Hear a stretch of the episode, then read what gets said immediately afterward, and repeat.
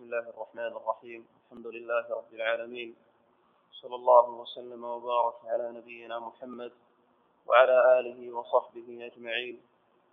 قال المصنف رحمه الله تعالى وروى الترمذي عن سوار بن عبد الله العنبري عن المعتمر بن سليمان قال سمعت أيوب يحدث عن محمد بن سيرين عن أبي هريرة عن النبي صلى الله عليه وسلم قال يغسل الإناء إذا ولغ فيه الكلب سبع مرات أخراهن أو قال أولاهن بالتراب.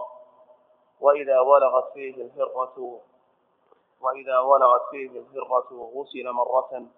وقال هذا حديث حسن صحيح. الحمد لله رب العالمين وصلى الله وسلم وبارك على نبينا محمد وعلى آله وأصحابه أجمعين. قوله وإذا ولغ فيه الهر هذا موقوف على أبي هريرة ولا يصح رفعه للنبي عليه الصلاة والسلام.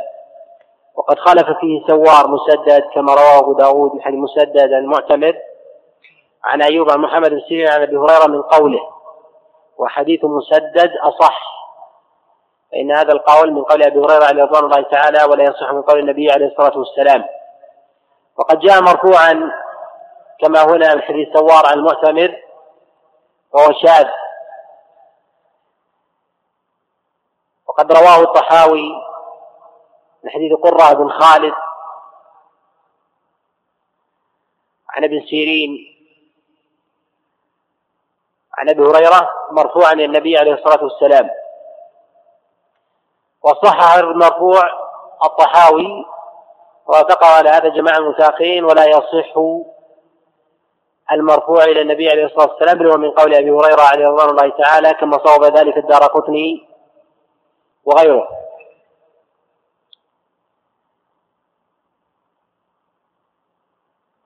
وقد توبع أيوب على روايته هذه. تبعه معمر كما روى ذلك الدار قطن في سننه. وجعله موقوفا ولم يرفعه. وهو الصواب كما تقدم ذكره وروى أبو داود قوله قوله إذا ولغ الهر غسل مرة موقوفا وهو الصواب. وصنيع أبي داود عليه رحمة الله تعالى يدل على أن الموقوف أصح من المرفوع حيث انه أورد الموقوف ولم يرد المرفوع. وهذا يدل على رجحان الوقف على الرفع. وقد أشار إلى هذا المصنف عليه رحمة الله تعالى بإراده لكلام داود هنا ما يشير إلى تقوية الموقوف على المرفوع. نعم. وعن كبشة بنت وعن كبشة بنت كعب بن مالك وكان تحت تحت ابن أبي قتادة أن أبا قتادة دخل عليها قالت فسكبت له وضوء وضوءا. قالت فجاءت هرة تشرب فأصغى لها الإناء حتى شربت. قالت كبشة فرآني أنظر إليه. فقال أتعجبين يا ابنة أخي؟ فقلت نعم. قال إن رسول الله صلى الله عليه وسلم قال إنها ليست بنجس إنما هي من الطوافين عليكم أو الطوافات. لفظ الترمذي وغيره وغيره يقول والطوافات. رواه الإمام أحمد وأبو داود والترمذي والنسائي وابن ماجه وصححه الترمذي وابن خزيمة وابن حبان والحاكم وغيرهم. وقال الدار قطني رواته رواته ثقات معروفون. وقال الحاكم وهذا الحديث مما صححه مالك واحتج به في الموطأ ومع ذلك فإن له شاهدا بإسناد صحيح. هذا الحديث كلهم رواه من طريق مالك بن أنس كما رواه في الموطأ من حديث إسحاق بن عبد الله بن أبي طلحة. عن زوجته حميدة بنت عبيد بن رفاعة عن كبشة بهذا الخبر. وهذا الحديث قد صحه جماهير أهل العلم عليه رحمة الله تعالى وإن كان وقع في إسناده شيء من الجهالة. فحميدة بنت عبيد بن رفاعة زوجة إسحاق لم يروي عنها إلا إسحاق بن عبد الله بن أبي طلحة وابنه يحيى. وكلهم من الثقات. وحميدة بالضم هكذا رواه سائر أصحاب الإمام مالك عليه رحمة الله تعالى وخالفهم يحيى بيحيى الأندلسي فروى عن مالك بالفتح حميدة والصواب الضم كما هو المشهور عن مالك عليه رحمة الله. وحميدة قد ذكر ابن حبان في كتاب الثقات وهي في عداد المجهولين إلا أن الجهالة قد اغتفرت. فإن الإمام مالك عليه رحمة الله تعالى في الغالب أنه لا يروي إلا عن المعروفين من الثقات. وقد نص على هذا الإمام مالك عليه رحمة الله تعالى بنفسه كما ذكر ذلك الإمام مسلم في مقدمة الصحيح. وقد أشار إلى هذا الإمام الإمام أحمد عليه رحمة الله تعالى في بعض مسائله. أن الإمام مالك عليه رحمة الله تعالى لا يروي إلا عن ثقة. وقد نص على هذا جماعة من المتأخرين كابن رجب وغيره. وكذلك كبشة بنت كعب بن مالك فقد ذكر ابن حبان في كتابه الثقات فتارة جعلها من الصحابة وتارة ذكرها من جملة التابعين ولعله رجع عن ذكرها من الصحابة وجعلها من جملة التابعين. وهذا الحديث كما كما ذكر المصنف عليه رحمة الله تعالى قد قال فيه الدار قطن رجاله ثقات معروفون وقد أشار إلى تصحيح الإمام مالك عليه رحمه الإمام الحاكم عليه رحمة الله تعالى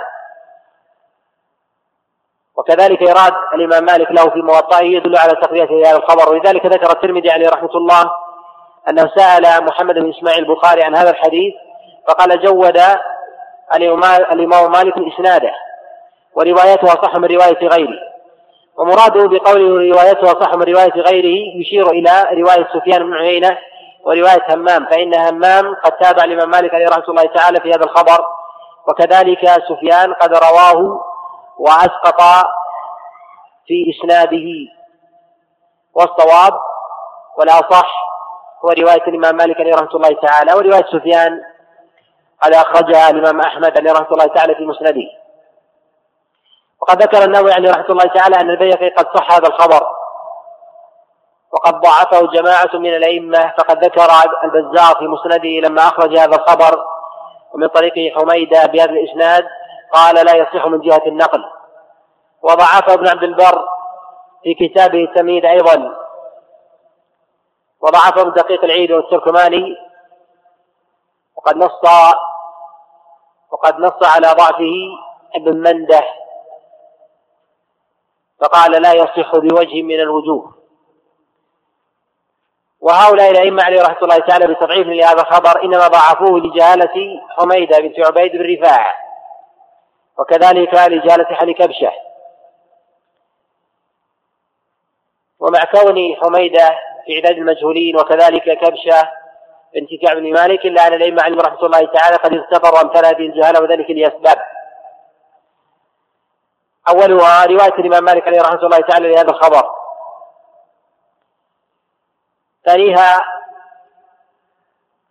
أن النساء يقل فيهن الكذب ولذلك قد ذكر الذهبي عليه رحمة الله تعالى في في في ميزان الاعتدال ألا ولا يعرف في النساء من اتهمت ولا من تركوها وإنما يكثر في النساء المجاهيل لأن طبيعة الحال تعين على هذا فإن أغلب النساء يكن مجهولات عند الرجال. ولا يعني هذا مطعنا أو مقدحا في الدين أو في الصدق. ولذلك اغتفر الأئمة عليهم رحمة الله تعالى الجهالة في النساء أكثر من من اغتفارها في الرجال. ومن القرائن أيضا فإن راوي هذا الخبر هو إسحاق بن عبد الله بن أبي طلحة ومن الثقات المعروفين يروي عن زوجته. وهو أعلم بحديثها. وكذلك كبشة فهي في طبقة متقدمة وقد اغتفر الأئمة عن رحمة الله تعالى رواية بعض المجاهيل إذا كانوا في طبقة متقدمة فإن من كان في طبقة متقدمة يغتفر حديثه في الأغلب. إذا كان من جملة المجاهيل وكلما تأخر طبقة المجهول كلما كلما ردت روايته. ورواية المجهول على الإطلاق ليس منهج العلماء عليه رحمة الله تعالى. ومن رد رواية المجهول على الإطلاق فقد سلك طريقا خاطئا وخالف الأئمة عليه رحمة الله تعالى.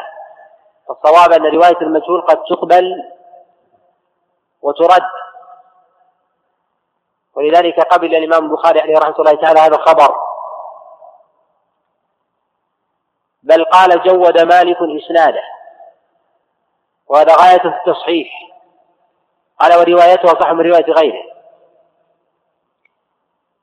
مما يدل على قبول هذا الخبر.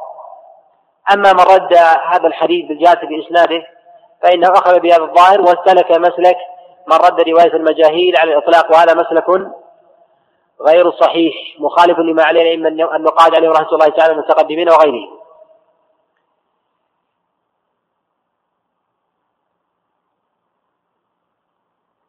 وقوله وقوله عليه الصلاة والسلام هنا إنها ليست بنجس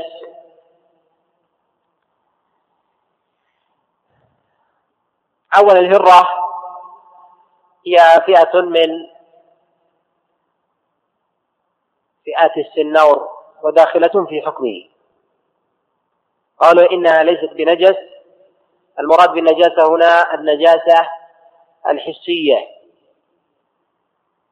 ويدل هذا على أنها طاهرة. وهذا يرد على من قال من بعض من من أهل العلم على أن النبي عليه الصلاة والسلام إنما خفف الهرة لعموم البلوى. وهذا يرده قوله إنها ليست بنجس. فهو نفى النجاسة ولم يثبت التخفيف لعموم البلوى. ومعلوم أن الشارع قد يخفف بعض النجاسات لعموم البلوى لا لإثبات الطهورية كما في بول الغلام. فإنه نجس لكن خف الشارع عنه فجعله يرش ويوصل من بول الجارية.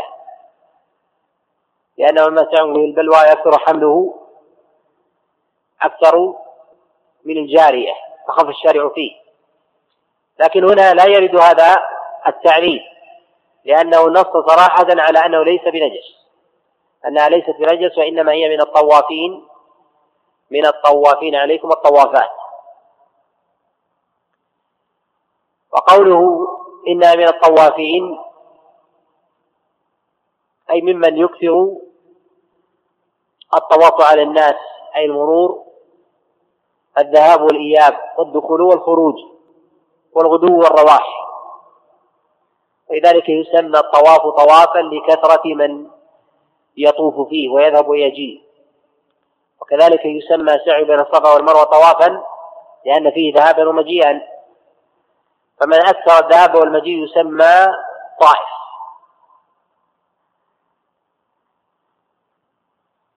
ومن قال بعموم البلوى استانس بالعلة التي ذكرها النبي عليه الصلاة والسلام هنا بقوله أنا من الطوافين. قال فذكر العلة مما يدل على التخفيف. ومعلوم أن النجاسة والطهارة لا ترتبط لا ترتبط بالطواف وغيره.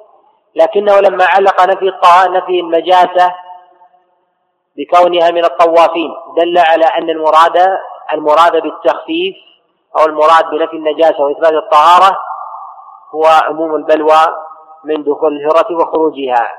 مما يتعذر على الناس معه تجنب الهر.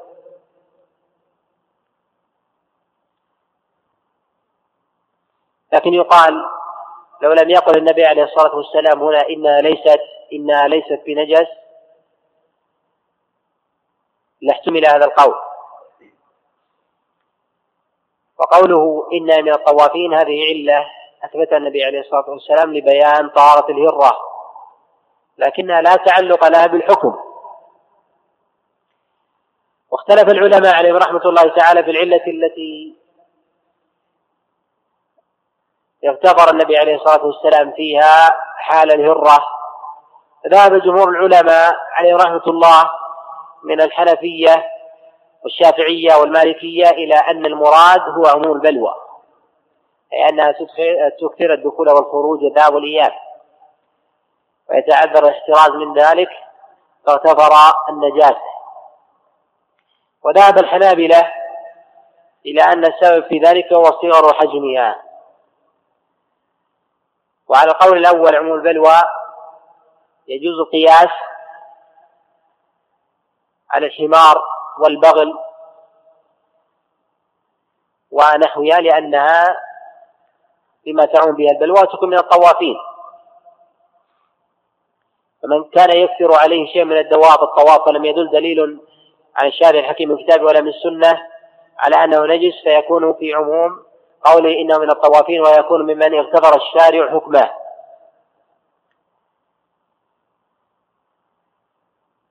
وأما على رأي الحنابلة أنه لصغر حجمها فيعتبر ما كان في حجمها من طوائف السنور أو الفئران ونحو ذلك.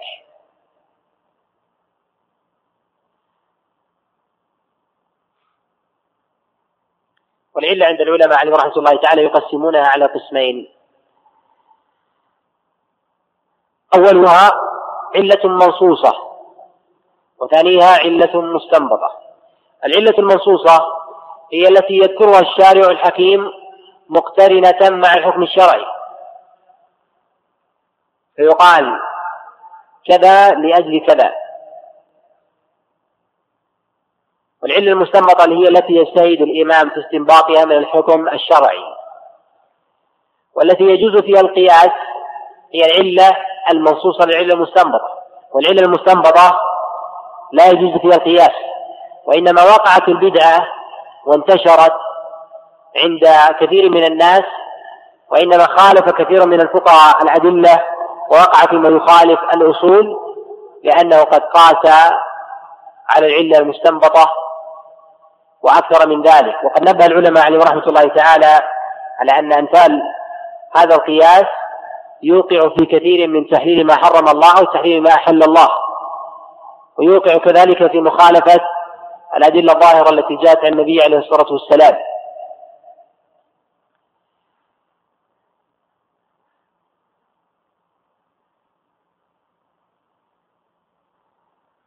وبهذا الحديث حديث كبشة يدل على أن الهرة إذا ولغت في الإناء أنه لا يفسد وأن قول أبي هريرة رضوان الله تعالى هو موقوف عليه وأنه لا يحتج بموقوف الأحكام وإنما يستأنس يستأنس به استئناسا يقال هذا رأي أبي هريرة عليه رضوان الله تعالى وأما في المرفوع فبين النبي عليه الصلاة والسلام أنها طاهرة وليست بنجس وأنها من جملة الطاهرات فلا تغسل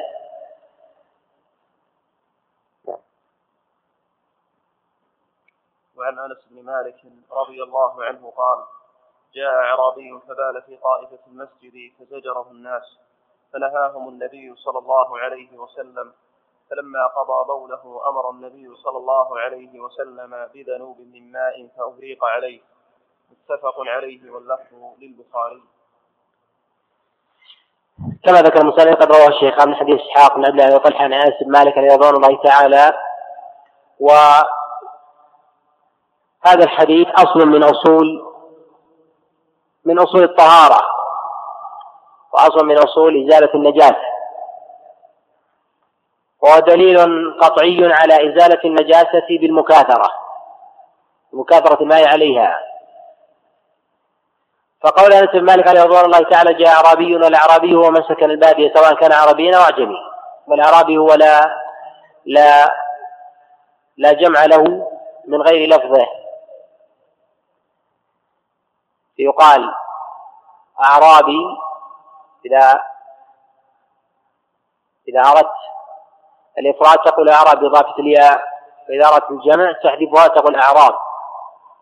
وكل من سكن البادية حتى وإن كانوا عاجم يسمون أعرابا. قد نص على هذا غير واحد من أئمة اللغة. دخل أعرابي فبال في طائف المسجد. والبول هو أحد الخارج الخارج من السبيلين. ولا يكون في حكمه هنا ما عداه فيما يخرج من القبل من المني المذي أو الودي وإنما هذا الحكم خاص بالبول. فبال في طائف المسجد لأنه لا يعلم للمسجد تعظيما وتشريفا وإلا لما بال فيه. فقد جاء راغبا في دين الله عز وجل وبال في طائفة المسجد أي في ناحيته. مما يدل على أن حكم المسجد واحد في سائر نواحيه وأنه لا تعظيم لشيء من المسجد دون الآخر.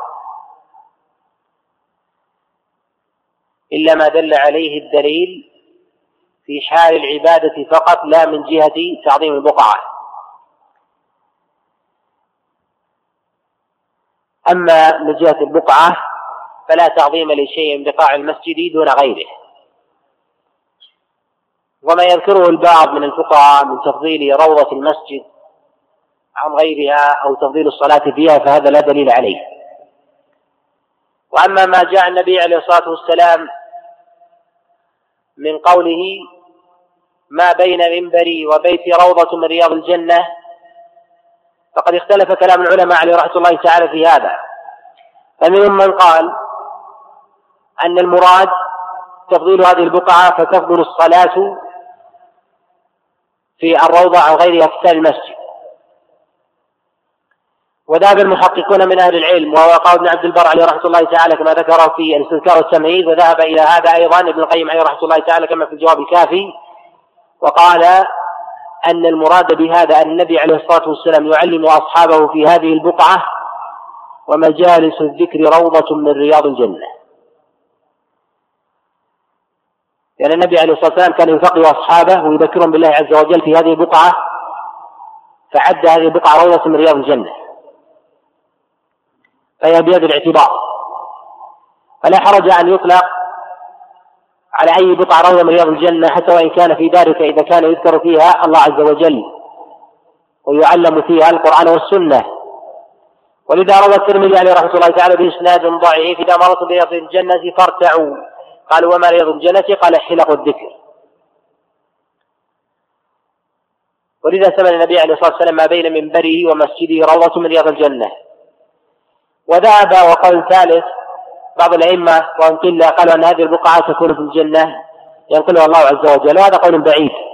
والصواب هو مذهب الإمام عبد البر عليه رحمه الله تعالى ابن القيم إلى أن هذه البقعة سميت روضة لأن النبي عليه الصلاة والسلام يفقه أصحابه وفيها ذكر الله عز وجل.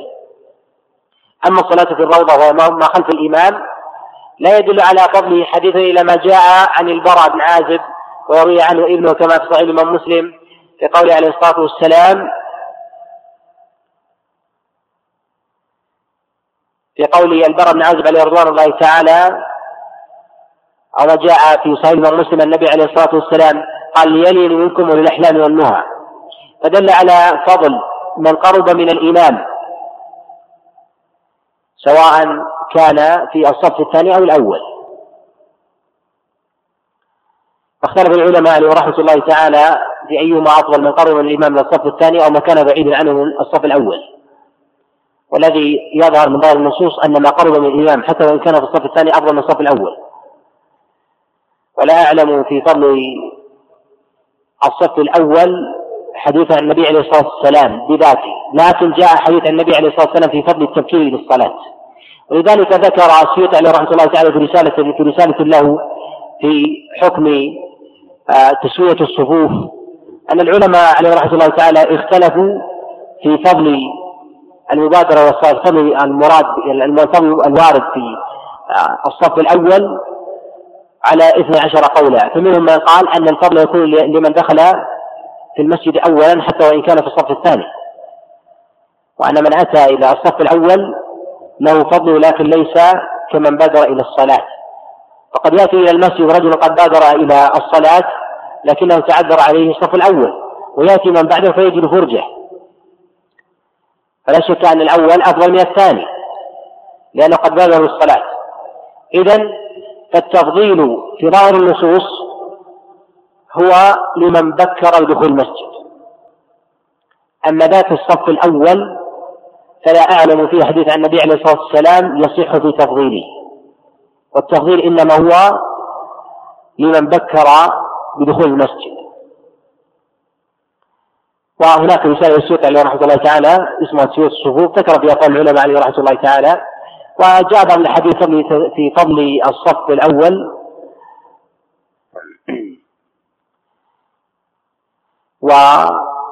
وجلها ضعيف.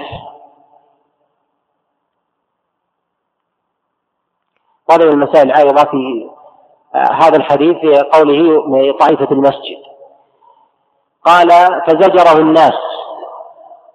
وهذا يدل على حرمة هذا الفعل وأنه من الذنوب التي يفهم فعل الإنسان لأنه نجس موطنا يعبد فيها الله عز وجل.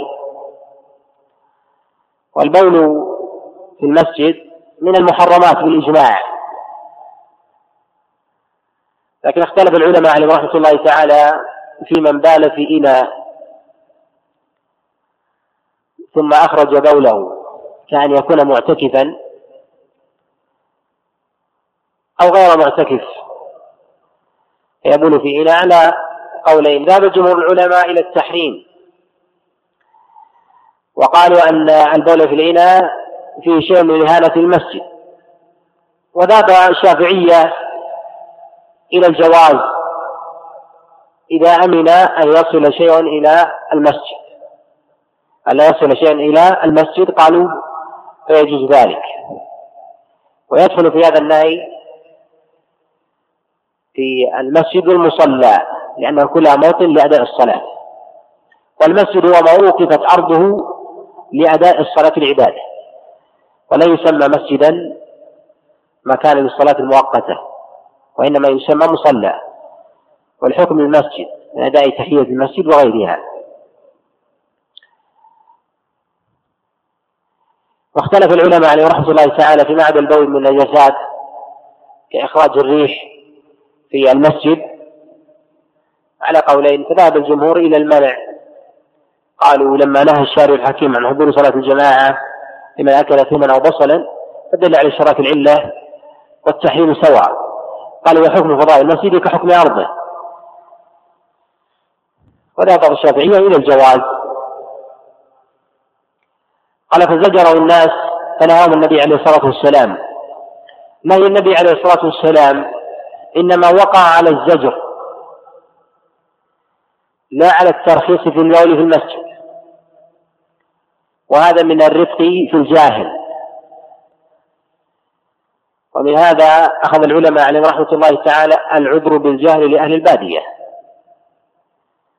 ومعلوم أنه يشتهر عند الصغير والكبير والعالم والجاهل تعظيم المساجد وأن البول نجس وإتيان والإتيان بالبول في المسجد محرم. ومن تعمد فعل ذلك فقد ارتكب ذنبا وظلما وحوبا. ومن هذا الحديث وغيره من الأحاديث استدل العلماء بعذر أهل البادية في المسائل الظاهرة وغير الظاهرة. فالنبي عليه الصلاة والسلام إنما نهاهم عن زجره ولم يرخص في هذا الفعل. وهذا من الحكمة في الدعوة إلى الله عز وجل. فإن زجر الجاهل ربما نفره ذلك عن دين الله عز وجل. وربما يكون هذا الأعرابي قدم ليسمع من النبي عليه الصلاة والسلام الإسلام وأقبل على دين الله عز وجل. فزجره رد له عن الإسلام. لأجل مصلحة هي دون دون ذلك وهي إزالة النجاسة من المسجد. ومعلوم أنه قد اجتمعت مصلحة عظمى ومفسدة دونه. يقال بتقديم المصلحة العظمى وهي قبول هذا الرجل وتأليف قلبه على مفسدة دون ذلك. ومن أوجه أيضا التي يعلل فيها نهي النبي عليه الصلاة والسلام عن زجره هو أن هذا الأعرابي قد ابتدأ بالبول. وزجره ربما يقيمه من مكانه مما يجعل البول ينتشر ينتشر معه. وهذه مفسدة يكتفى بالمفسدة القليلة يدرى بها أعظم منها. والذي يظهر الله أعلم أن النبي عليه الصلاة والسلام أراد تعريف قلب هذا الأعرابي. لذلك أخرج البخاري عليه رحمة الله تعالى في الصحيح قطعة من هذا الحديث في كتاب العدد من صحيحه. أن هذا الأعرابي لما خرج من المسجد قال النبي عليه الصلاة والسلام اللهم ارحمني ومحمدا ولا ترحم معنا أحدا. فضحك النبي عليه الصلاة والسلام وقال لقد تحجرت واسعا. وهذا من خلق النبي عليه الصلاة والسلام وقد ذكر الله عز وجل عنه إنه لعلى خلق عظيم.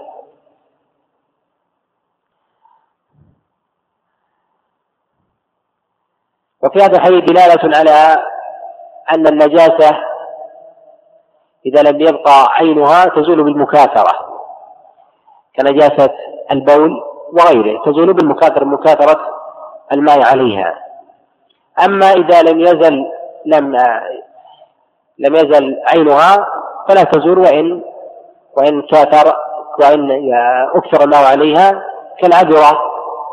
وإن أكثر الماء عليها إذا لم تنزل بعينها فإنها تبقى النجاسة. والذنوب هنا هو الدلو الدلو الكبير. وإذا خالط النجاسة الماء الكثير وانتشرت فيه من غير تغير لأحد أوصاف الثلاثة فإنه يكون طاهر. وهذا من الأدلة على ذلك ما تقدم معنا المسائل.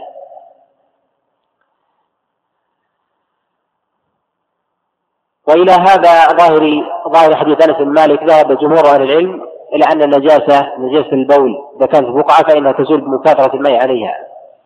وذهب بعضهم وهو قول بعض الشافعية إلى أن إلى أن البول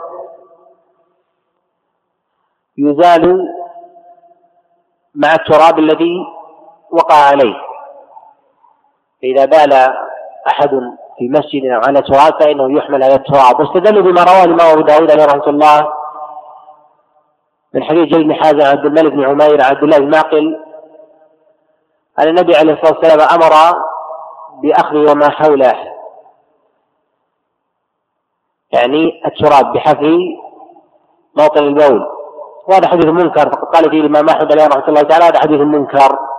وقال أبو داود عبد الله الناقل لم يدرك النبي عليه الصلاة والسلام. فقد أخرج هذا خبر الدار قطني عليه رحمة الله تعالى في سنة من غير هذا الوجه ولا يصح النبي عليه الصلاة والسلام. وحديث أنس بن مالك أدلة ظاهرة على أن النجاسة تزول بالمكاثرة. إذا زال عينها فإنها تزول. نعم. باب الآنية عن البراء قال أمرنا رسول الله صلى الله عليه وسلم بسبع ونهانا عن سبع. أمرنا باتباع الجنائز وعيادة المريض وإجابة الداعي. هذا الحقيقة أخرجه الشيخان من حديث أشعث عن معاوية بن سويد عن البراء عليه رضوان الله تعالى وقوله أمرنا رسول الله صلى الله عليه وسلم. الأمر هنا يشمل الاستحباب والوجوب والنهي يشمل التحريم والكراهة. وقد ذكر ابن رجب عليه رحمة الله تعالى عن جمهور العلماء أن النهي إذا كان ظاهره أنه للتأديب فإنه يكون للكراهة. والأمر إذا كان للتأديب فإنه يكون للاستحباب. وعلى هذا أقوال الأئمة الأربع عليهم رحمة الله تعالى كمالك وأبي حنيفة والشافعي وأحمد. ولذلك ذهب الأئمة الأربعة. في حديث عبد الله بن عمر في نهي النبي عليه الصلاة والسلام عن القزاء إلى أنه الكراهة لا يصل التحريم إلا في حالة واحدة إذا كان تشبها بالكفار. فإنه يكون محرما للتشبه لا ذات القزح وإلى هذا ذهب جمهور العلماء عليه رحمة الله تعالى وقال أبي حنيفة ومالك الشافعي وأحمد وذهب الظاهرية إلى التحريم. لأن الظاهرية لا يرون لا يرون نهي الكراهة وإنما يرون نهي التحريم. وقوله هنا أمرنا رسول الله صلى الله عليه وسلم هذا ظاهر في الرفع. إذا قال الصحابي أمرنا بكذا ونهينا عن كذا فإذا كان من الصحابة الكبار فجماهير أهل العلم على أنه في حكم الرافع. فذهب بعضهم أن أن له حكم الوقت فربما يكون الذي أمر قال كبار الصحابة كأبي بكر وعمر. والصواب أن له حكم الرافع.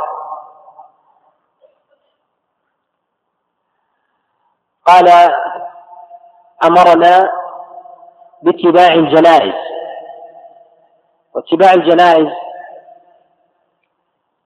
هو المشي خلفها حتى تدفن. ويجوز المشي أمام الجنازة وخلفه وكل ذلك جاء عن النبي عليه الصلاة والسلام وعن جماعة من الصحابة.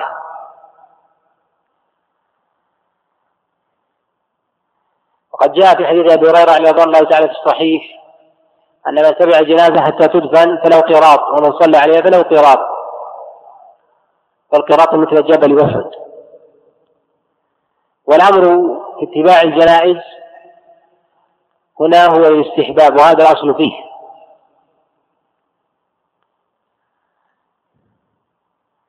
قال وعيادة المريض.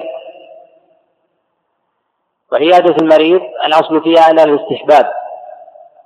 وقد تكون للوجوب في عيادة المرضى من ذوي الأرحام. كالوالدين والإخوة والأخوات والأبناء والأعمام.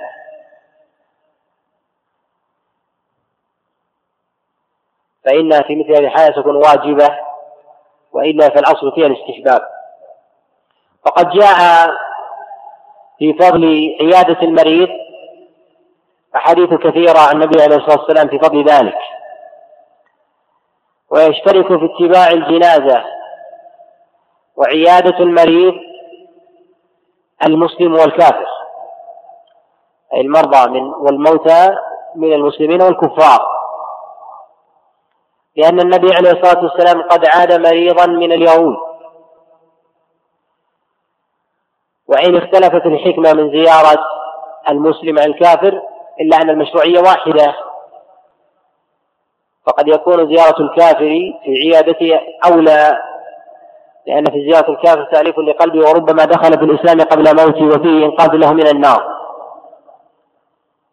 وفي زيارة المسلم كسب للأجر وتصبير له والإنقاذ من النار أولى وأعظم أجرا. فإن النبي عليه الصلاة والسلام أخبر أن الله عز وجل إن هدى بالعبد أحدا فإنه خير له من حمر النعم. والمراد بالهداية هنا هي من الكفر إلى الإيمان. على الصحيح من أقوال العلم ومنهم من قال بإطلاق حتى من الذنوب والمعاصي. وكذلك الجنازة. لأنه ليس المراد باتباع الجنازة هو نفع الميت. ولكن المراد هو تذكر الآخرة والتقليل من الدنيا والإكثار من الطاعات. ولذلك الذي يتبع الجنازة فإنه لا يصرف شيئا للميت. والدعاء للميت سواء كان عند قبره أو عند أو عند غير قبره. فإن الدعاء بمثابة واحدة. ولذلك النبي عليه الصلاة والسلام فرق بين عيادة القبر وبين الدعاء له. كما جاء في الصحيح في قول عليه الصلاة والسلام استأذنت ربي بأن أستغفر لأمي فلم يأذن لي. واستأذنت بأن أزور قبرها فأذن لي. فجعل الاستغفار شيئا خارجا عن الزيارة والزيارة كما أخبر النبي عليه الصلاة والسلام أنها تذكر بالآخرة والزهد في الدنيا كما قال عليه الصلاة والسلام كنت لا أتوقع عن زيارة القبور ألا فزوروها فإنها تذكر بالآخرة. إذا فالحكمة من اتباع الجنائز هو تذكر الموت والإقبال على الله عز وجل. إما وما يترتب على ذلك كثير من آه، من من الطاعات وتقرب الله عز وجل والإقلاع عن الذنوب والمعاصي. نعم. وإجابة الداعي وإجابة الداعي الأصل فيها أن الاستحباب وقد ذهب بعض العلماء وقال الإمام أحمد فذهب إليه ابن حزم وإليه طائف المحققين في وجوب إجابة الداعي إذا كان للوليمة وليمة الزواج ولذلك قال النبي عليه الصلاة والسلام كما في الصحيح من لم يجب الداعي فقد عصى الله ورسوله. والمعصية لا تكون إلا في ترك شيء شيء واجب. وذهب بعض العلماء إلى استحباب إجابة الداعي حتى وإن كان وإن كان المجيب صائما. فقد ذهب عبد الله بن عمر وعثمان بن عفان إلى إجابة الداعي وإن كان المدعو وإن كان المدعو صائما. فقد صح عن عبد الله بن عمر أنه دعي وهو صائم فأجاب الدعوة قد مد يده إلى الطعام ثم قبضها وقال إني صائم. وروي هذا عن عثمان عفان عليه رضوان الله تعالى. نعم. ونصر المظلوم. ونصرة المظلوم. المظلوم هو من سلب حقه من مال أو دم أو عرض. ودعوة المظلوم مستجابة كما أخبر بذلك النبي عليه الصلاة والسلام. كما جاء في الصحيحين واتق دعوة المظلوم. لما بعث معاذ الجبل إلى اليمن. فدعوة المظلوم مستجابة. ونصرة المظلوم لمن قدر عليها واجبة. قد تكون مستحبة إذا كان هناك من يقول بنصرة المظلوم.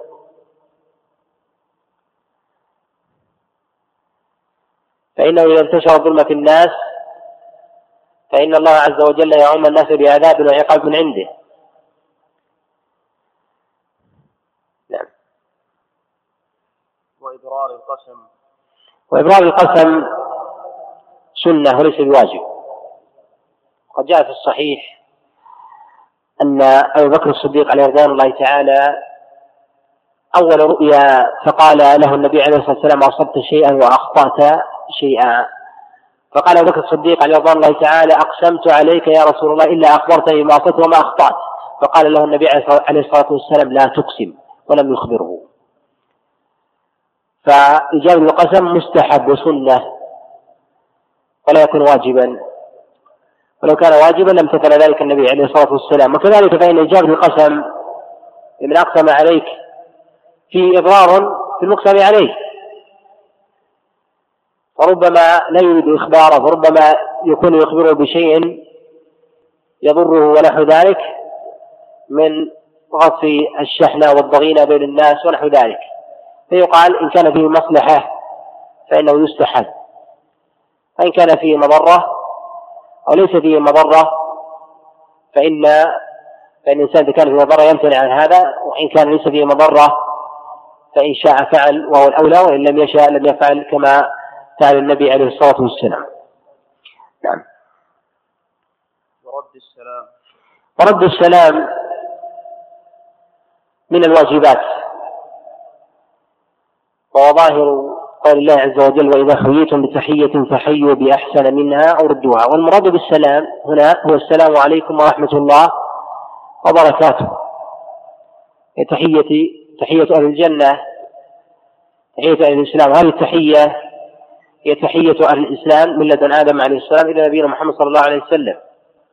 فقد بذلها الملائكة لآدم عليه السلام وهي تحية أهل الجنة فيما بينهم السلام عليكم ورحمة الله. وجاء زيادة المغفرة وهي زيادة شاذة. لا تصنع النبي عليه الصلاة والسلام.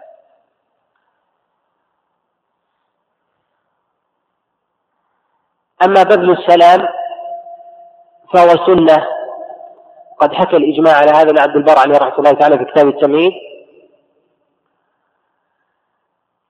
وفي هذا الإجماع نظر. فقد ذهب ابن حزم عليه رحمة الله تعالى إلى وجوب إلى وجوب بذل السلام وهو قول في مذهب الإمام أحمد عليه رحمة الله.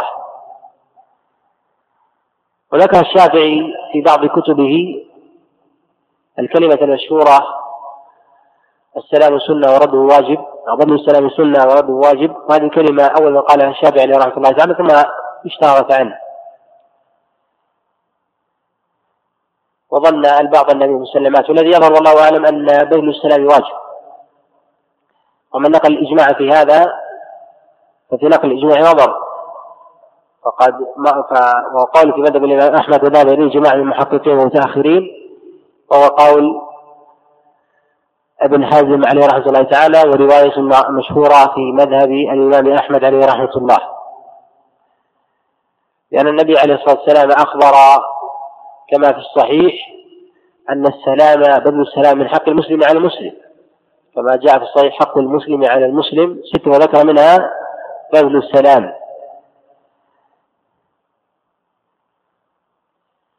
وروي حديث ابي رواد عن نافع عبد الله بن عمر عن النبي عليه الصلاة والسلام قال من بدأ بالكلام قبل السلام فلا تجيبوا هذا حديث منكر بل هو باطل لا أصل له.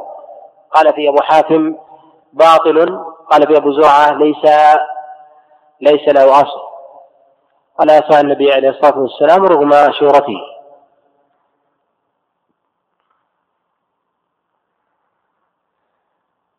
ويجوز التحية بغير السلام في قول مرحبا. وهذا ثبت عن النبي عليه الصلاة والسلام في الصحيحين وغيرهما. قد جاء في مسلم حديث جابر وجاء في الصحيح لما قال النبي عليه الصلاة والسلام لأم هانئ وقال أيضا لسائب بن يزيد. لكنه لا يغلب على حاله بل ينبغي أن يغلب على حاله السلام.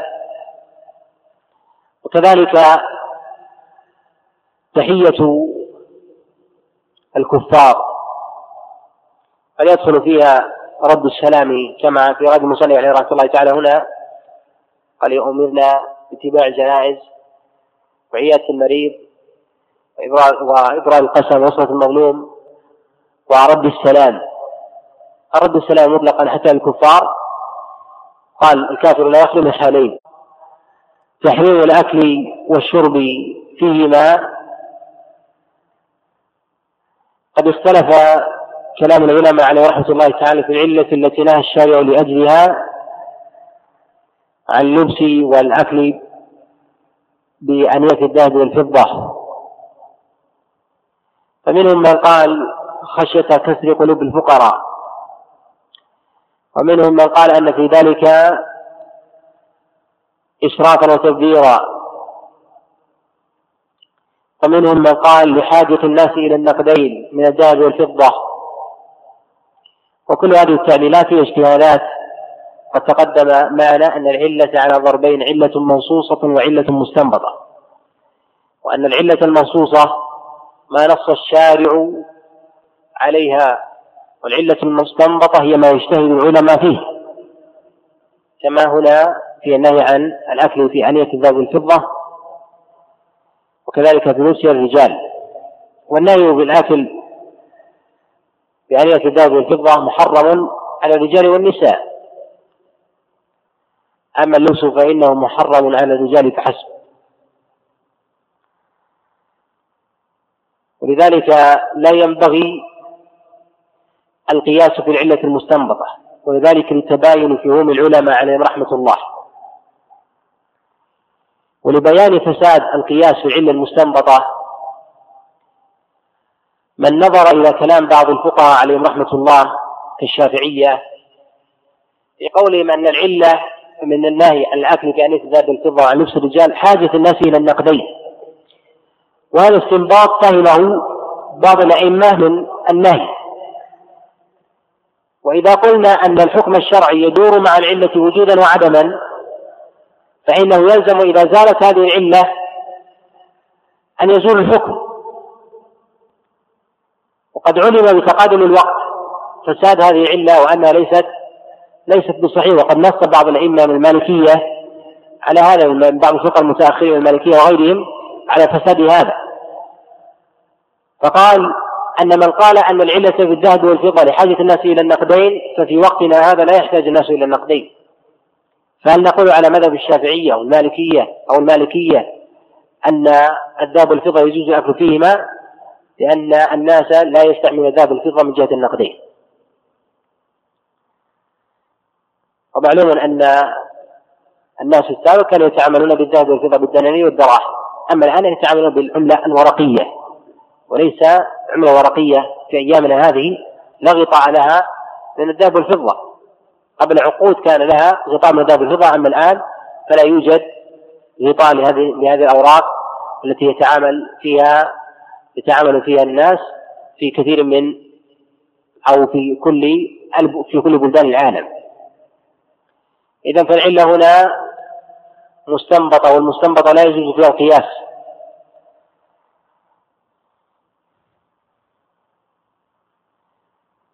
ولو قلنا بالقياس للزمنا على قول من قال أن التحريم خشية خشية الإسراف والتبذير ونحو ذلك فإن هناك من الناس من عنده قيمة عالية من الذهب والفضة لا تساوي شيئا.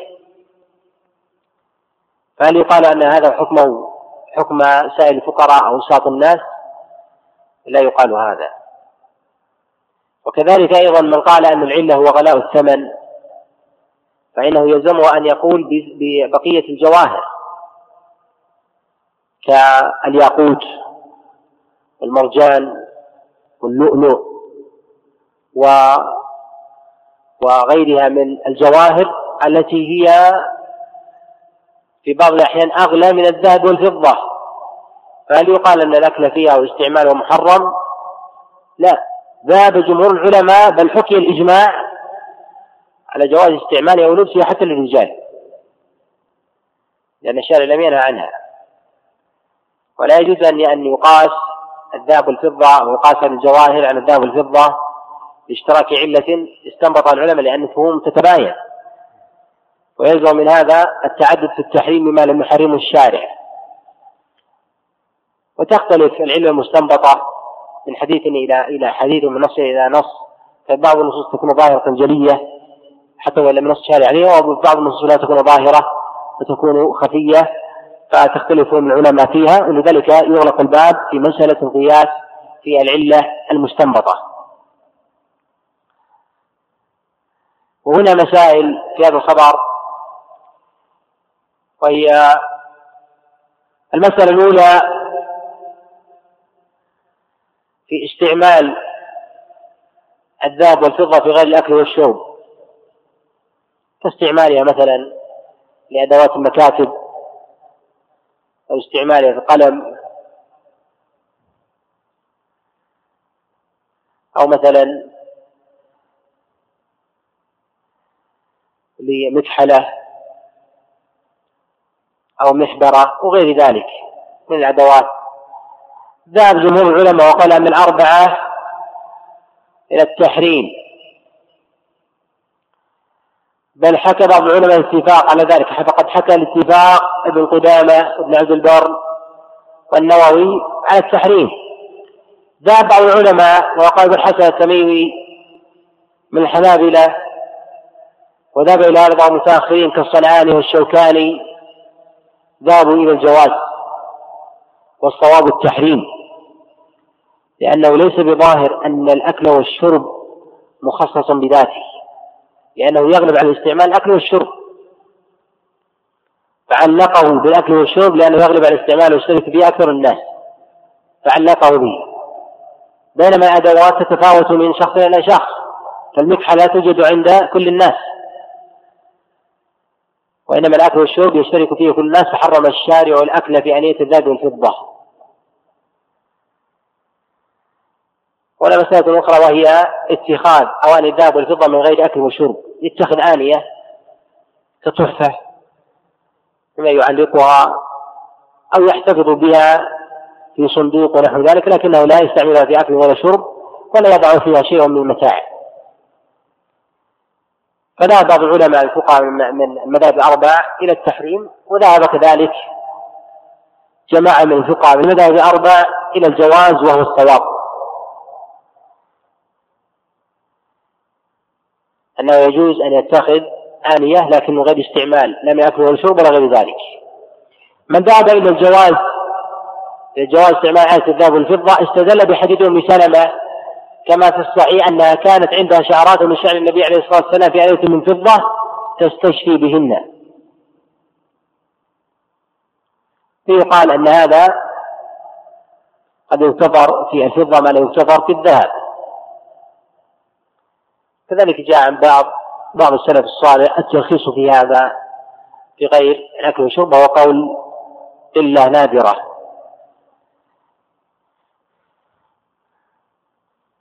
وهنا مسألة أخرى وهي استعمال المموه بذهب الفضة. استعمال المموه بذهب الفضة كالأقلام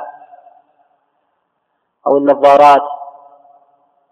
أو المشارح الرجالية تكون مموهة أسلافها مموهة بذهب الفضة. فهذا استعمالها جائز لأنها ليست بذهب ولا فضة. فأصلها معادن أخرى إما من حديد أو نحاس لكنها مطلية. وهنا مسألة أخرى أيضا وهي ما يسمى بالذهب الأبيض. الذهب الأبيض هل يجوز الأكل والشرب فيه واستعمال الرجال استعمال الرجال له؟ يقال لا يخلو. إذا كان الذهب الأبيض معدنه هو معدن الذهب الأصلي الذهب الأصفر فإنه يحرم. اختلاف اللون لا عبرة به. وهذا الذي يعرفه أن معدنهما واحد لكن قيل أن بعض المعادن لنفاسة ثمنها يسميها بعض تجار المعادن ذهبا أبيض وتستعمل في الحلي أحيانا تسمى ذهبا أبيض فحينئذ يقال يقال بالجواز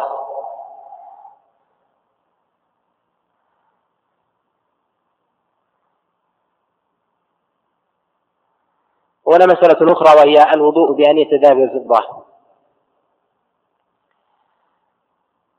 هل يصح الوضوء أم لا؟ ذهب جمهور العلماء إلى الصحة وقول الأئمة الأربعة صواب الشيخ ابن تيمية إلى أن الوضوء صحيح لكن العمل غير جائز. وذهب بعض المالكية إلى عدم الصحة وقول ضعيف والأصل الصحة. فلا ترابط بين النهي عن استعمال الذهب والفضة وصحة العبادة.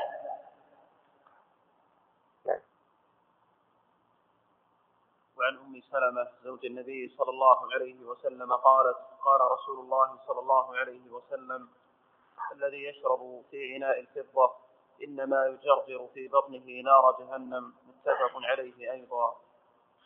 الحديث قد رواه نافع عن زيد بن عبد الله بن عمر عن عبد الله بن عبد الرحمن بن أبي بكر عن أم سلمة. وهذا الحديث كما هو ظاهر خصص الشوب والفضة. ولم يذكر الأكل والذهب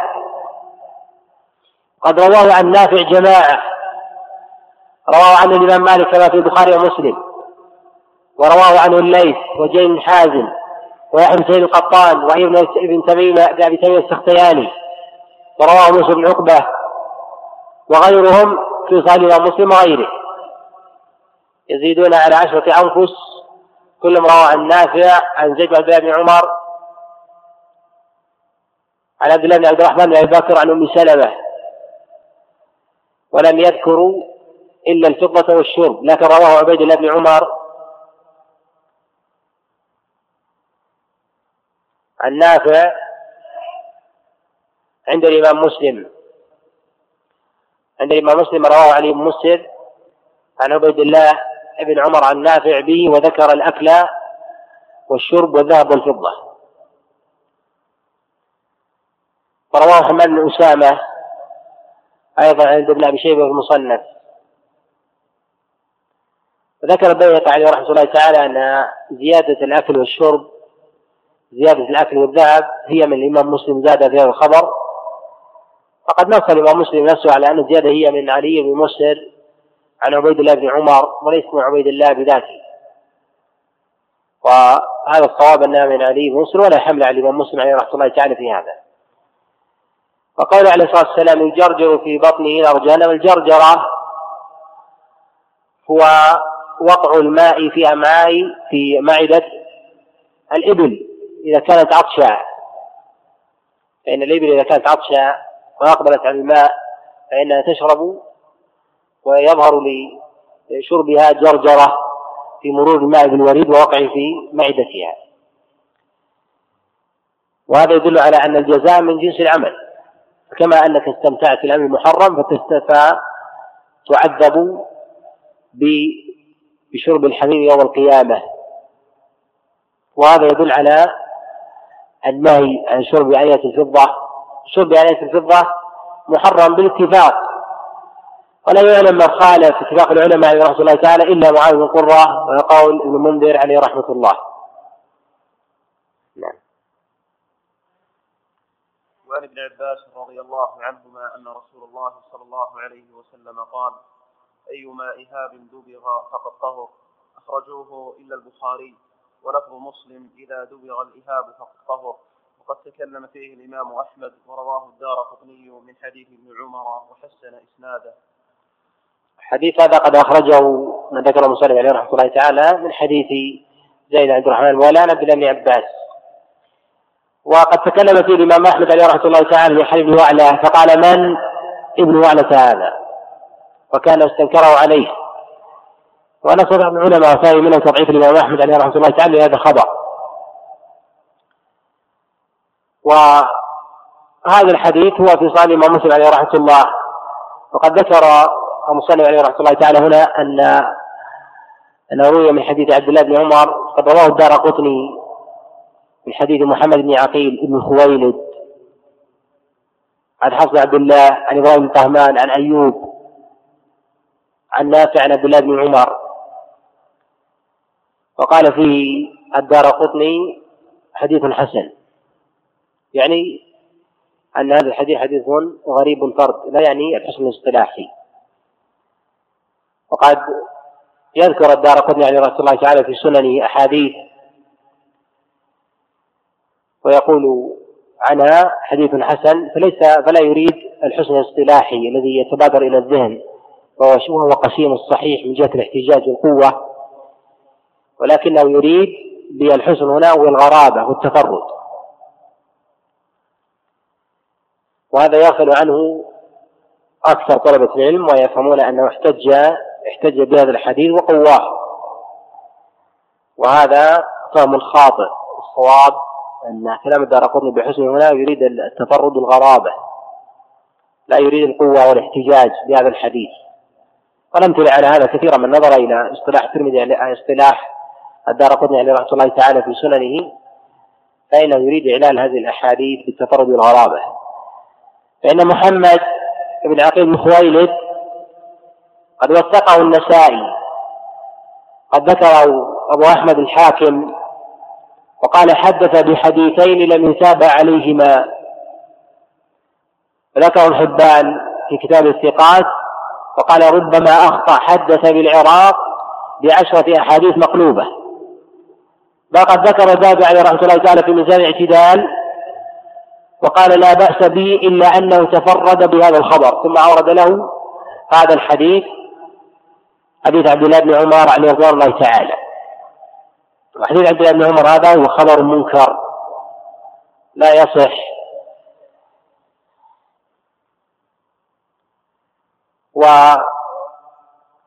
وقوله الإيهاب الإيهاب يطلق على الجلد قبل أن يدبغ وقد نص على هذا أبو داود عليه رحمة الله تعالى فيما ذكره عن نور بن شميل. قال أبو داود عليه رحمة الله تعالى قال النضر بن شميل الإيهاب ما لم يدبغ وقد نص على هذا جماعة العلماء عليه رحمة الله تعالى نص على ابن حبان وابن شاهين والبيهقي وابن عبد البر عليه رحمة الله. على أن الإيهاب هو ما لم يدبغ أما إذا دبغ يسمى قربة. إذا دبغ يسمى قربة أو يسمى بحسب ما صنع عليه من حقيبة ونحو ذلك. أما إذا لم يذكر فإنه يسمى يسمى إهابا. وقد اختلف العلماء عليه رحمة الله تعالى في الجلد. إذا دبغ جلد الميتة إذا دبغ هل يطهر الدباغ أم لا؟ قد اختلف العلماء عليه رحمة الله تعالى في ذلك على أقوال. فذهب الإمام مالك بن أنس وقال الإمام أحمد عليه رحمة الله إلى أن الدباغ لا يطهر جلد الميتة مطلقا سواء كانت مأكولة اللحم أو غير مأكولة اللحم. وأن الدباغ لا لا يطهر إلا المذكات زكاة شرعية.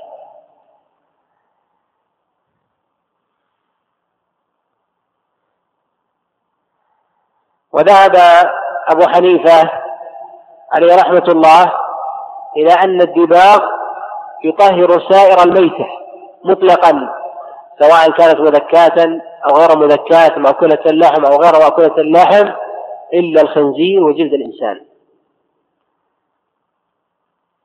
وزاد الشافعي عليه رحمة الله تعالى الكلب لأن الدباغ لا يطهره. وذهب أهل الظاهر إلى أن الدباغ يطهر سائر الجلود مطلقا حتى الكلاب والخنازير لعموم قال النبي عليه الصلاة والسلام إذا دبغ الإهاب فقد طهر والإهاب يشمل سائر الجلود والقول الصحيح وما ذهب إليه ما ذهب إليه أبو ثور ومروي عن الإمام أحمد. ورجحه الشيخ حسام تيمية. وهو قول الإمام مالك بن أنس على أن الدباغ لا يطهر إلا مأكول اللحم حتى وإن كان ميتا. إذا كان مأكول اللحم فإذا كانت الميتة مأكولة اللحم قبل موتها كبهيمة الأنعام الإبل والبقر والغنم حتى وإن كانت وإن ماتت من غير زكاة فإنه يطهرها يطهرها الدباغ ويجوز استعمالها. من منع من استعمال استعمال الميتة مطلقا استدل بما رواه الإمام أحمد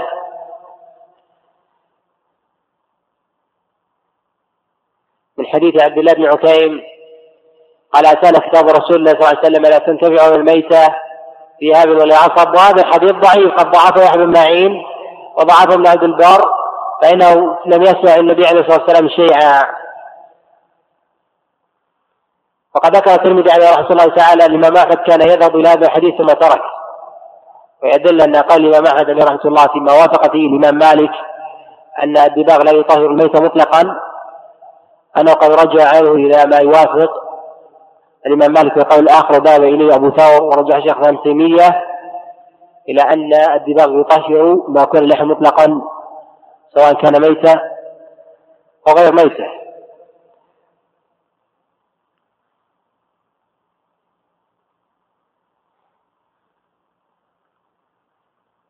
يعني نعم ما به إذا دبغ ذكرنا الخلاف. معقول اللحم؟ دائما غير معقول اللحم يشمل يشمل السباع من النمر والأسد والفهد وغير ذلك. وعن أبي ثعلبه الخشني رضي الله عنه قال قلت يا رسول الله إن بأرض قوم أهل كتاب أفنأكل في آنيتهم؟ قال لا تأكلوا فيها إلا أن لا تجدوا غيرها. فاغسلوها ثم كلوا فيها. متفق عليه. قد روى الشيخ بن حبيب بن الخولاني عن ثعلبه الخشني عن رضي الله تعالى واستعمال آلة الذهب والفضة مما اختلف فيه كلام العلماء عليه رحمة الله تعالى وجاءت فيه نصوص كثيرة عن أصحاب النبي عليه الصلاة والسلام وكذلك عن جماعة من السلف الصالح التابعين وغيرهم. وقولوا إن بأرض الكتاب بأرض أهل الكتاب الكتاب هم اليهود والنصارى ويغلب عليهم اسم الكتاب. وإن كانوا من الكفار والمشركين إلا أنه يغلب استعمال الكتاب عليهم لأنهم عن التوراة والإنجيل. ويطلق الكفر على اليهود والنصارى أيضا وكذلك الإشراك. لكنه غلب عليهم اطلاق الكتاب ولكنهم يدخلون في جملة الكفر والإشراك. قال فناكل في آنيتهم وذلك للحاجة ولم يشر إلى اللباس. لأنه في الغالب أنهم يحتاجون الطعام أكثر من اللباس. لأن اللباس يطول مع الإنسان بخلاف الطعام فإنه يكثر استعماله ونفاذه. قال فناكل في آنيتهم. قال لا إلا أن لا تجدوا غيرها فكلوها. فكلوا فيها فاغسلوها وكلوا فيها. اختلف العلماء عليه رحمة الله تعالى في استعمال آنية الكفار. فذهب الإمام مالك عليه رحمة الله إلى أن الأكل بآنية الكفار لا يجوز حتى تغسل. قال أما ما نسجوه من الأواني مما ينسج عادة مما يحمل لا يكون فيه طعاما من السلال أو المحامل ونحو ذلك ما يوضع فيه طعام فإنه يجوز استعماله. وكذلك نأكل فيه. أما ما صنعوا من آنيتهم فقال يجب أن يغسل. وذهب أبو حنيفة عليه رحمة الله تعالى الكراهة مع الجواز. وذهب الشافعي والإمام أحمد عليه رحمة الله إلى أن إذا استعملت في نجاسة تغسل وإذا لم تستعمل في نجاسة فالأصل الطهارة. وهذا هو الصواب. قد دلت الأدلة على هذا الأصل. أما نهي النبي عليه الصلاة والسلام هنا لأنه يغلب على يد النصارى استعمال بعض المحرمات من شرب الخمر وغيره. فحث على غسل الآنية مع الترخيص فيها عند الحاجة. فقد أخرج الإمام مسلم عليه رحمة الله من حديث عبد الله المغفل أنه لما غزم النبي عليه الصلاة والسلام في عام خيبر قال أخذت جرابا من شحم فأخذته إلي فقلت لا أعطي منه أحدا. قال فنظرت فإذا رسول الله صلى الله عليه وسلم ينظر إلي متبسما. وأقر النبي عليه الصلاة والسلام في ذلك مع أنه من طعام الكفار وفي أنيتهم وكذلك ما رواه أبو داود والبيهقي من حديث بردة عن عطاء جابر عبد الله قال كنا نأخذ مع النبي عليه الصلاة والسلام المشركين فنصيب من آنيتهم ونشرب فيها ولا ولا ينكر علينا. كذلك قد روى قد روى الشافعي في كتاب الأم من حديث سفيان بن عيينة عن زيد بن أسلم عن أبيه عن عمر الخطاب أنه توضأ من من جرة امرأة نصرانية. وهذا حديث قد رواه البيهقي حديث سفيان قال حدثنا عن زيد ما يدل أن فيه انقطاعا والانقطاع هنا هو ابن زيد بن أسلم عن أبيه عن جده عن عمر بن الخطاب رضي الله تعالى كما رواه الإسماعيلي عن سفيان قال عن ابن زيد بن أسلم عن زيد عن أبيه عن عمر الخطاب عليه رضوان الله تعالى. والأصل والأصل جواز لم يدل دليل على المنع. وعن عمران بن حصين رضي الله عنهما أن النبي صلى الله عليه وسلم وأصحابه توضأوا من مزادة امرأة مشركة. متفق عليه وهو مختصر من حديث طويل. التوضأ من المزادة دليل على الاستعمال. وفيه حكاية حكاية اتفاق الصحابة فعل النبي عليه الصلاة والسلام وإقراره وإقراره على فعلهم مع مشاركته في ذلك عليه الصلاة والسلام لهم من الوضوء في مزاج امرأة مشركة. وهذا نص قطعي في المسألة ما يدل على الجواز. فمن قال بالمنع فإنه تمسك بظاهر حديث أبي ثعلبة وليس وليس فيه دلالة. وعن جابر بن عبد الله رضي الله عنهما في حديث له أن النبي صلى الله عليه وسلم قال أوك سقاك واذكر اسم الله وخمر إناءك واذكر اسم الله ولو أن تعرض عليه عودا متفق عليه.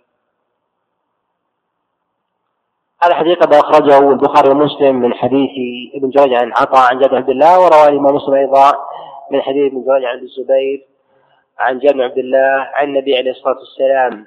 قال أوك سقاك أي أحكم إغلاقه. وكاء السقا هو شدة شد القربة ونحو ذلك.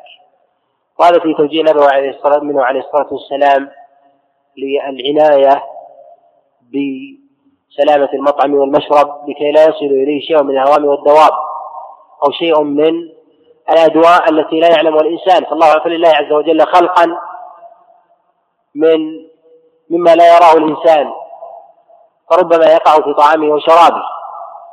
فإن استعان بالله عز وجل وذكر اسم الله عز وجل وأخذ بالأسباب وهو إيتاء الإناء فإنه حينئذ يعانى بإذن الله عز وجل. وقوله هنا واذكر اسم الله. تقدم معنا في الدرس السابق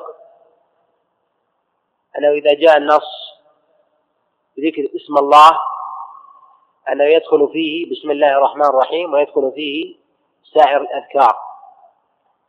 أن يقول الحمد لله ونحو ذلك. أو لا إله إلا الله. إذا قيل اذكر الله فيدخل فيه سائر الأذكار سواء سمى أو لم يسمي. فالبسملة هي بسم الله أو بسم الله الرحمن الرحيم وذكر الله عز وجل أعم من ذلك. فإذا قيل بسملة فلان قال بسم الله وإذا قيل ذكر الله فإنه ذكره بأي نوع من أنواع الأذكار. وهنا عام. قال واذكر اسم الله على أي نوع يعني على أي نوع من أنواع ذكره سبحانه وتعالى. قال ولو أن تعرض عودا بقوله هنا ولو أن تعرض عودا يحتمل أمور إما أن يقال أن عرض العود فيه تقليل من إتيان الهوام للإناء فربما أراد شيء من الدواب أن يلغ فيه شيء من السباع فيلغ فيه فيمنعه ذلك العود. ويحتمل أيضا أن النبي عليه الصلاة والسلام حذر من شيء لا يدركه الإنسان شيء من خلق الله عز وجل من الهوام أو الدواب أو الأوبئة ونحو ذلك فحذر منه وحث على وضع شيء وإن كان عودا. فيكون هذا العود معلق بأمر الغيب لا يدركه الإنسان فيكون مانعا له وإن لم يدرك هذا الإنسان بالمحسوس. وهذا يحتمل هذا وهذا وعلى كلا الاحتمالين لا يقال بترك الامتثال فإن هذا الأمر فإن هذا الأمر تعبدي. نعم. ولمسلم أن رسول الله صلى الله عليه وسلم قال غطوا الإناء وأوفوا السقاء فإن في السنة ليلة ينزل فيها وباء لا يمر بإناء ليس عليه غطاء أو سقاء ليس عليه وكاء إلا ليس عليه وكاء إلا نزل فيه من ذلك الوباء. في هذا نص على العلة التي حث لأجل النبي عليه الصلاة والسلام على تغطية الأواني ما فيها من طعام ولو أن يعرض عودا وهو أنه فيه دواء في السنة لا يأتي على إناء إلا وقع فيه. وهذا تعليق بأمر الغيب لا يدركه الإنسان.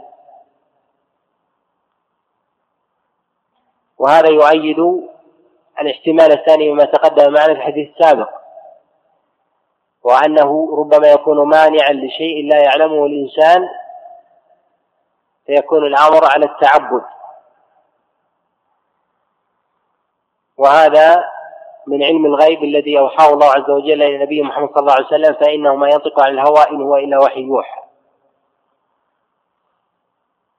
مما ينبغي التنبه له هنا هو أن الإنسان ليس مكلف بالبحث عن العلة التي لأجلها شرع الشارع الأمر أو نهى عن الفعل.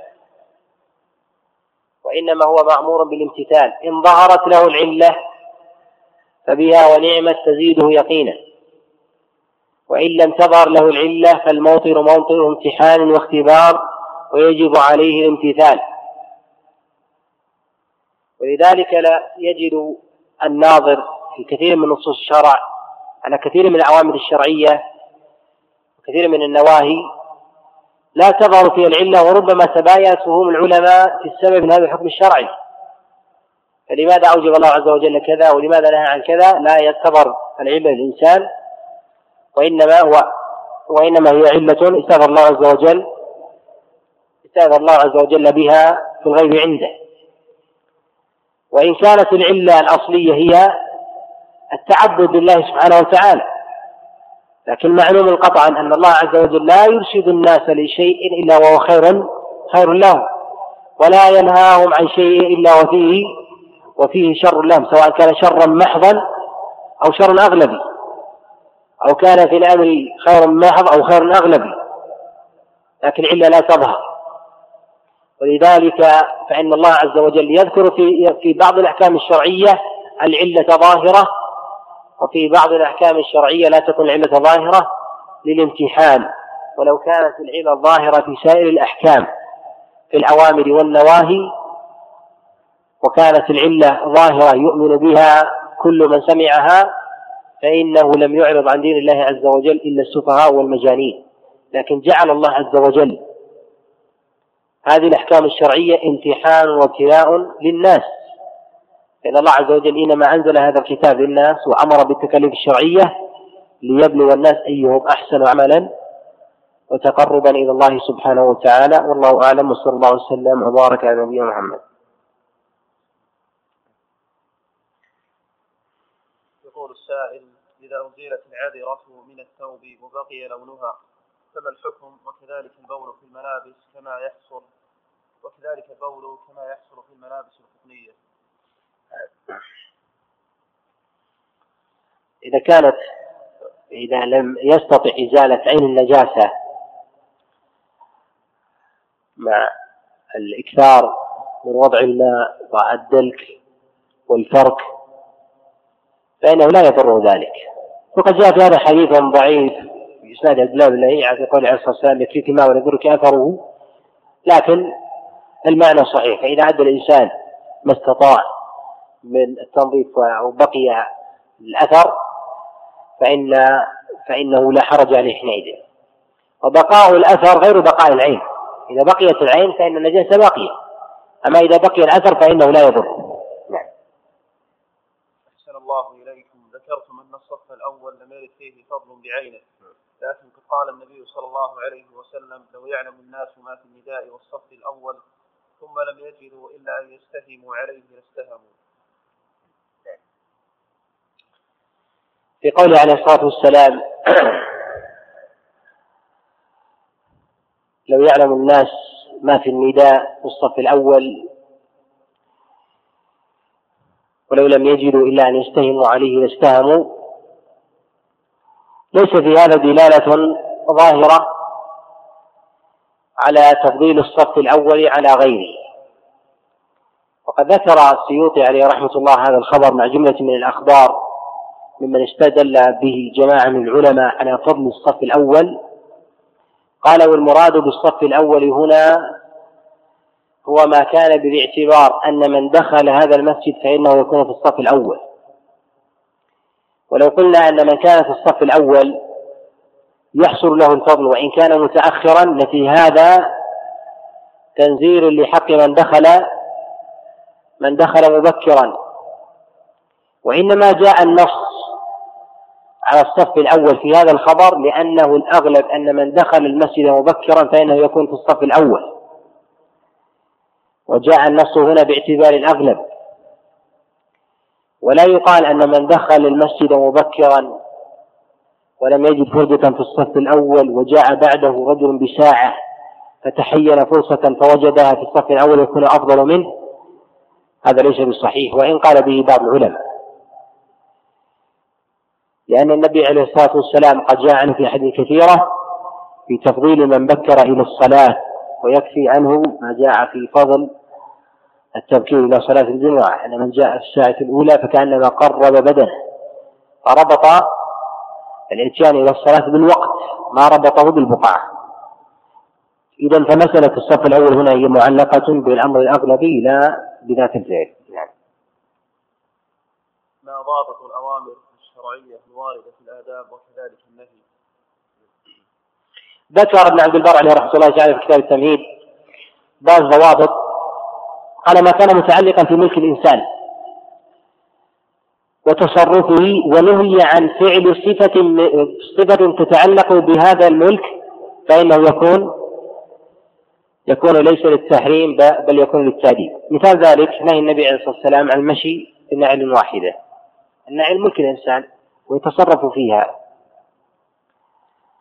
فالنهي عن المشي فيها مشي على صفة من الصفات.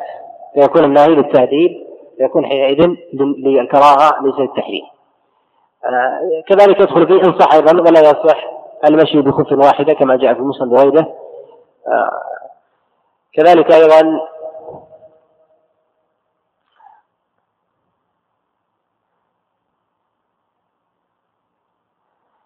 في باب ما يقابله إذا كان ليس في ملك الإنسان خارج عن ملك الإنسان أي لم يقع النهي على أمر في ملك الإنسان ولم ينع عن صفة من صفاته في شيء في ملكه. كنهي النبي عليه الصلاة والسلام عن مثلا آه، الجمع أو النهي في كتاب الله عز وجل كلام النبي عليه الصلاة والسلام في النهي بين الجمع بين الاختين الجمع بين المرأة وعمتها والمرأة وخالتها ونحو ذلك. لو كان النهي في شيء ملك الإنسان ومن تصرفه لا دل على التحريم وذلك فقد نص على هذه القاعدة ابن عبد البر عليه رحمة الله تعالى. قال وهذه قاعدة مضطردة فافهم هذا فإنه هام. يقدم في الحفظ المحرر أم البلوغ؟ المحرر أوسع. البلوغ المرام أوسع والمحرر أدق. وأنفع في باب معرفة العلل فابن عبد الهادي أقعد وأمكن من الحافظ بن حجر في باب العلل. وإن كان الحافظ بن حجر هو أوسع منه من جهة الاطلاع ومعرفة التصانيف. ما رأيكم في أفضل المحققين في كتب الحديث؟ المحققين كثير فيهم الجيد وفيهم آه، غير الجيد وفيهم الحسن وفيهم الغث السمين. والمحققين الجيدين في هذا الوقت كثير كذلك فلا يصلح ذكر البعض وترك البقية نعم. هل هناك كتاب في الكلام عن العلة المنصوصة والعلة المستنبطة؟ هناك كتاب نفيس آه، لأحد المبتدئة آه، وإن كان قد ظل في اعتقاده إلا أنه من العلماء في باب الأصول وهو عبد الله الغماري له رسالة في هذا نفيسة في العلة المستنبطة